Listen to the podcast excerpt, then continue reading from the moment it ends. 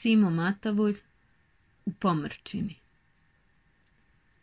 Dugo sam ležao na vlažnoj zemlji, pod mutnim zimnjim nebom, blizu reke, dršćući od studeni, trzajući se od svakog šuma. Zaspati nisam mogao, a nisam bio ni potpuno budan, nego sam tlapio na ivici sna i jave. Tlapnje su bile užasne, kao čoveka koji svakog trenutka očekuje izvršioce smrtne kazne. Noge mi se već davno behu ukočile, a kad zora poče rudeti, nisam osjećao ni ostale delove tela. Videh da ću se smrznuti.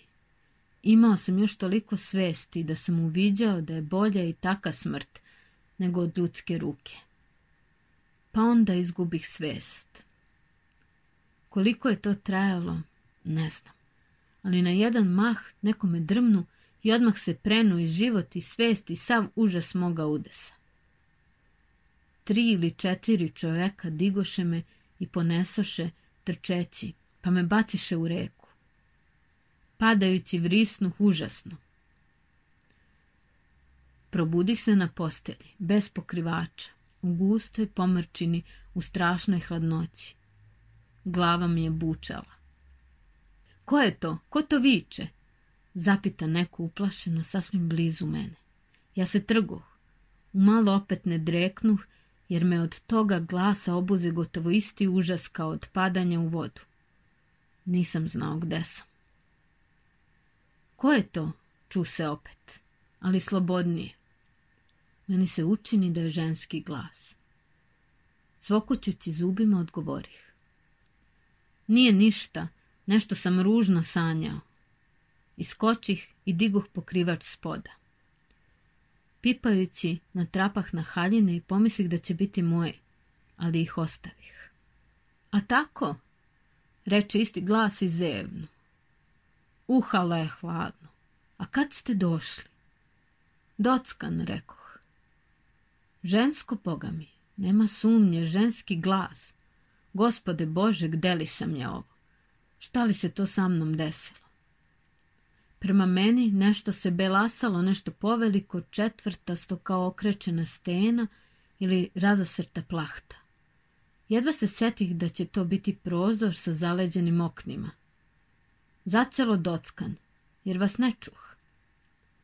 Iako se nisam mogao osvestiti da znam gde sam, ni šta je to sa mnom bilo, opet me moja namerna susetka veoma zanimala. Pružih desnu ruku ispod pokrivača da napipam sveću i kresavice, ali ruka udari o zid. Zatim pružih levu, ali ona je lutala po hladnome mraku. Lađom ili železnicom? Nastavi Brbljuša. Došao sam peške. Ona se nasmeja. Peške? Odakle, molim vas? Iz đavolske kuće, rekoh mrzovoljno. Ja nisam putnik, ja sam ovdašnji. A vi odakle ste? Iz palanke, veli ona. Laku noć. Gle, prekida razgovor. Da se nije uvredila što je onako oporo odgovorih. Može je biti najposle. Ja se počnem sećati svega što je sa mnom bilo. Bio sam na večeri kod Diksa koji se takođe batrgao po književnom polju i koji se nedavno beše oženio. Posle večere dođe još nekoliko zajedničkih poznanika. Bilo je to pravo cigansko književno poselo. Govorilo se o svačem bez veze, na pretrg, o književnosti, politici, spiritizmu, beogradskim vračarama, o streljanju nekog razbojnika što je baš toga dana izvršeno. Od tuda doista onaj moj strašni san. Govorilo se i o ženskima i o najnovijim prestoničkim skandalima, ali s osmera, iz obzira prema mladoj domaćici. Razgovor je više naličio na prepirku, ali kad nastade prava prepirka, onda se svaki samo starao da nadviče drugog. Niko nikog nije mogao razumeti. Jedan je tvrdio da je Konfučije veći genij od Mojsija, drugi je bagatelisao francusku književnost, a veličao rusku, treći obratno. Razume se da se pilo bez mere. Tek kad pođo smo oko ponoći, išli smo nepouzdanim koracima. Napolju je bila poledica i duvao je sever. Od kuće moga poznanika do moga stana, na dva kraja Beograda, trebalo je po suvu putu pešačiti dobra pola časa. S mukom izađoh na glavniju ulicu, nadajući se da ću naći kola. Ali nigde kola, nigde žive duše, nigde svetlosti, sem što plamičci žalostivo čkiljahu kroz zasleđena stakla od fenjera. Iz te ulice zađoh u drugu, pa u treću. Izgubih se.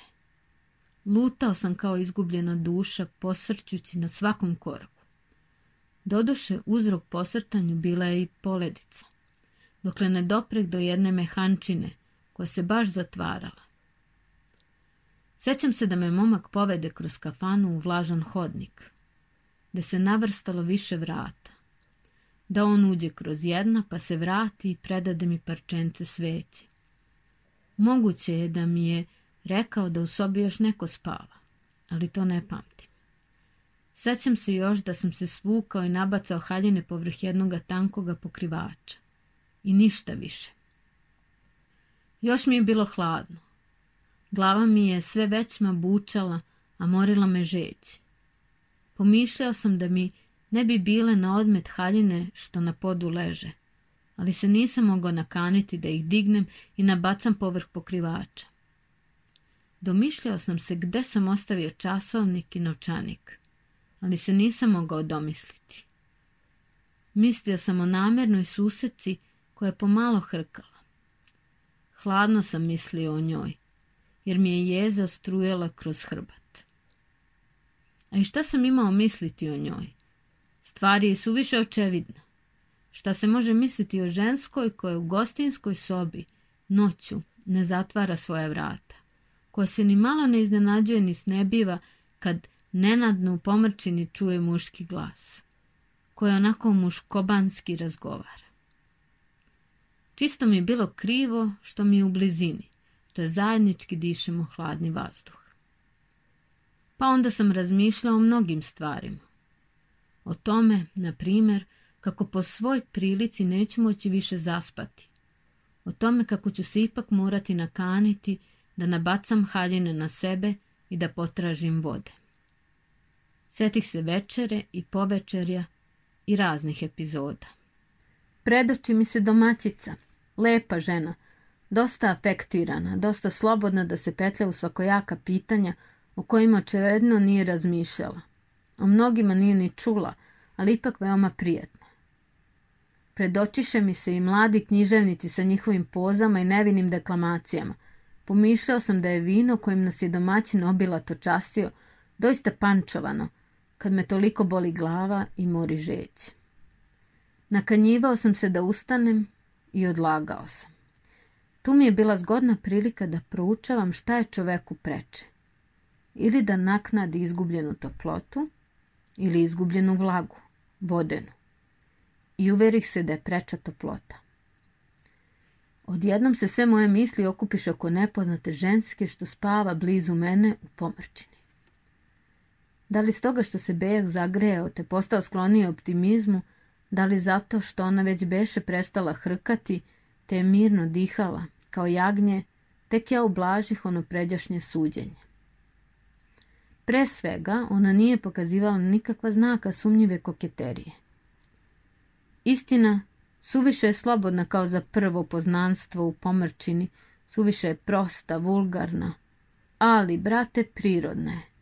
Najbolji je dokaz to što je zaspala baš onda kad je najviše mogao zanimati raspad poznanstva. Da nije stara, po glasu sudeći, rekao bih da nije ni sredovečna. Da nije kakva krčmarica ili gazdinska žena udovica iz unutrašnjosti, od onih muškobana što same kućem upravljaju, što preduzimaju svakojake ozbiljne poslove, što se među ljudima slobodno kreću i u navikama s njima barabare, a da ipak nisu zato u svačem pokvarene. Đavo bi ga znao. Može i to biti, jer svačega ima na svetu. Tek je moja susetka zagonetna, i ja se počeh domišljati kakva je na oči. Kad god u mraku čujemo nepoznat glas, gotovo uvek prema njemu zamišljamo godine, rast, obliči i ostale osobine nepoznatog čeljadeta. To biva, vele, po analogiji, po sličnosti toga glasa s glasom poznatog čeljadeta, čije se osobine prenose na nepoznato. Glas moje susetke nije bio bog zna kako simpatičan, ni umiljat. Šta više, nešto izdaleka, vrlo malo, napominjao je na muški, ali nije bio odvratan. On mi nije napominjao ni na jednu poznatu žensku glavu.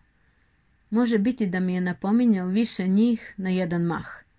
Te iz te zbrke uspomena ja sam skrpio obličje. Ali sam ga skrpio. Njoj je oko 30 godina. Osrednjeg je rasta, jedra crnih vlasi i očiju, okruglih punih obraza, koji su preplanuli i rumeni. Dosta je nosata, suviše je mesnatih usana i nedostaju dva prednja zuba u donjoj vilici. Ima još i mana. Trupio je nešto dugačak prema visini, oko pojasa mnogo je široka, uši su je povelike i crne, ali sve skupa nije baš da se prezire. A ko zna, može biti da izraz njenih crnih očiju začinjava sve. Tak kad su u žene lepe oči, da je prosto sve ostalo. Tako sam je zamišljao i tu zamišljenu sliku ja sam posmatrao iz daljega, iz bližega, u raznim pozama i sve sam se većma navikavao na nju. U neko doba posta mi prijatno.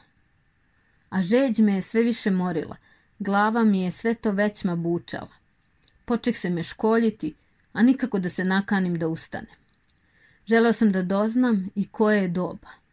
To me opet navede na grešnu pomisao da je poslužitelj mogao lako prisvojiti moj srebrni rementoar i ono malo novaca. Ta sumnja pokrenu moju lenu telesinu, te pružih jednu nogu ispod pokrivača. Ali u isti mah zakrska drugi krevet i moja crnomanjasta jedra susetka pođe k prozoru. Ja se pritajih. Srce mi poče jače kucati.